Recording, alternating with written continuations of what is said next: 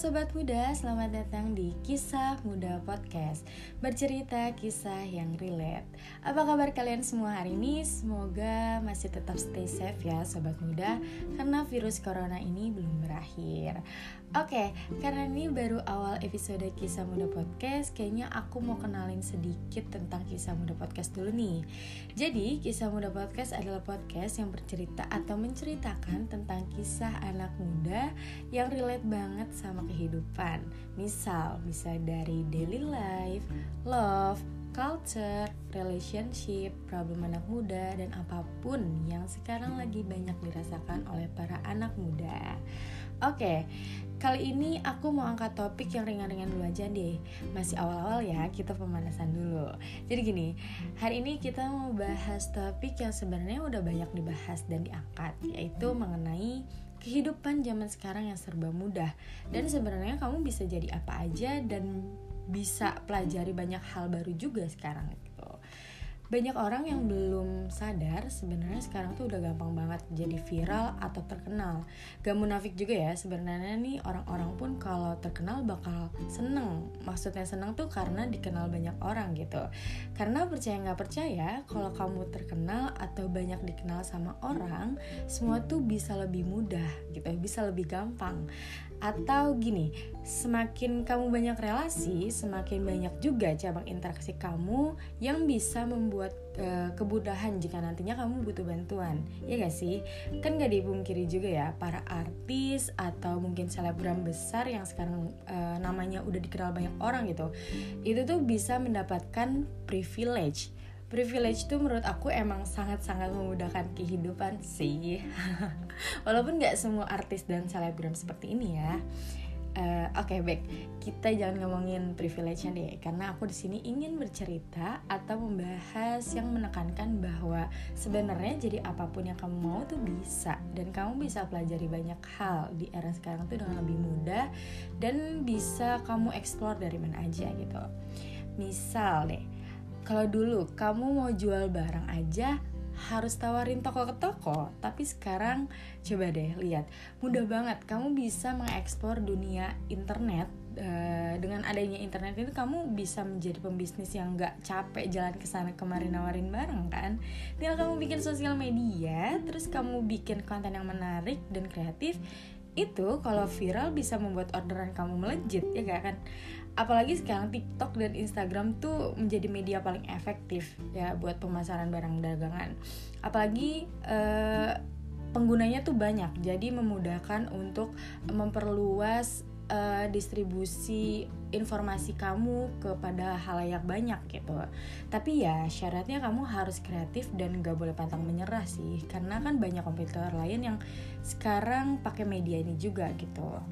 Atau misal contoh yang lain deh apalagi ya uh, mungkin kalau dulu kamu mau naik ojek kamu harus cari dulu nih pangkalan ojek di mana. Tapi kan sekarang dengan satu genggaman HP kamu aja, kamu bisa pesan ojek online gitu.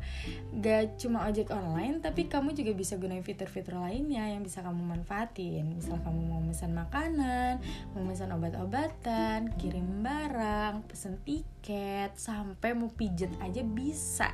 Keren banget gak tuh? Terus juga kalau kamu mau semua itu tapi kamu lagi nggak punya uang, jangan khawatir, say. Sekarang udah banyak banget yang nawarin fitur pay letter uh, pay letter itu adalah fitur peminjaman uang sementara dari aplikasi yang kamu pilih. Nanti ada opsi kapan kamu bisa mendapat dan kapan kamu membayar uh, uang pinjaman tersebut gitu. Tapi ingat ya, pay ini cuma untuk orang-orang di usia tertentu. Biasanya itu usia 18 atau 21 tahun ke atas gitu. Yang mayoritasnya memang sudah memiliki pekerjaan. Jadi buat kamu yang dirasa belum punya penghasilan sendiri, jangan coba deh jangan coba uh, menggunakan fitur ini sembarangan gitu karena nantinya bisa kelilit utang kan kan nggak mau ya sobat muda oke ngomongin penggunaan fitur yang sembarangan. Aku juga mau bahas sedikit nih mengenai orang-orang yang sekarang banyak banget yang pakai fitur-fitur internet tapi disalahgunakan gitu. Misal uh, memakai fitur internet untuk uh, membuat prank-prank yang uh, merugikan pihak lain atau kamu bikin hoax-hoax yang menakuti banyak orang.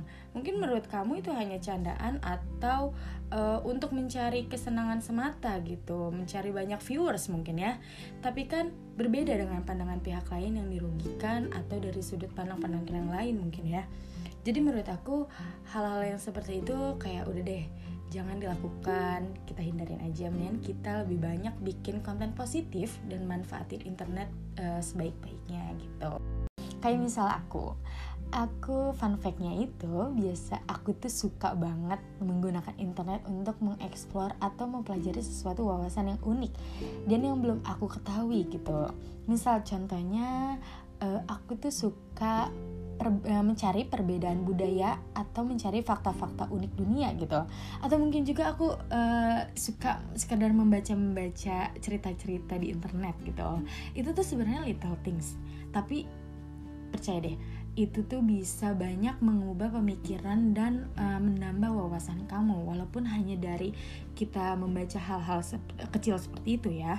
Kayak misal impactnya yang terasa banget itu uh, saat kamu diajak ngobrol sama orang lain. Mungkin kalau memang kamu uh, belum mempunyai wawasan yang banyak atau wawasan kamu kurang luas atau mungkin kamu seorang yang uh, membosankan karena nggak punya topik lain itu tuh orang ngobrol sejam dua jam aja sama kamu tuh bisa males gitu bosan karena yang ngomongnya pasti itu doang itu itu aja gitu. Tapi kan dengan kamu banyak search kamu banyak uh, mengeksplor berbagai macam hal di internet saat kamu diajak ngobrol tuh nyambung gitu. At least kamu nggak bodoh-bodoh banget pasti ajak ngobrol ya kan? Dan ini yang aku rasakan ini membantu aku banget aku bisa lebih mudah berinteraksi dengan orang orang lain atau orang baru gitu. Mungkin kalau aku nggak banyak baca-baca atau aku nggak tahu segala hal itu bisa ngehambat pembicaraan aku itu atau membuat lawan bicara aku males. Karena menurutku wawasan yang luas itu bisa membuat percakapan sederhana menjadi lebih berbobot. Ya kan Selain itu, kamu juga bisa search bagaimana cara berbicara yang baik dengan orang lain. Walaupun aku juga belum terlalu baik untuk hal ini ya, tapi tuh aku ingin banget orang lain tuh bisa lebih baik melakukan hal ini daripada aku. Karena uniknya, aku tuh suka ngeliatin atau memperhatikan kebanyakan masing-masing sikap orang saat mereka berbicara dengan orang lain. Satu hal yang aku perhatiin banget itu cara dia menatap dan mendengarkan lawan bicaranya yang sedang berbicara di hadapannya. Apalagi saat uh, sedang berkomunikasi interpersonal secara langsung gitu. Kalau kamu punya wawasan tentang cara berkomunikasi yang baik, kan hal itu akan otomatis terrealisasikan ya, terrealisasikan di kehidupan kamu gitu. Lagi-lagi itu merupakan little things banget yang bisa ngebuat orang ngerasa dihargai.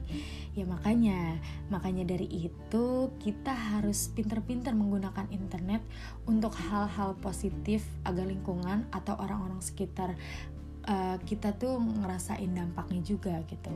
Apalagi sobat muda. Kalau kita kan masih muda nih menurutku sekarang waktu yang pas dan kita tuh masih mempunyai banyak mempunyai banyak kesempatan untuk mengekspor berbagai wawasan lagi gitu. Supaya kita bisa memanfaatkan internet untuk mengubah diri kamu menjadi lebih baik ke depannya.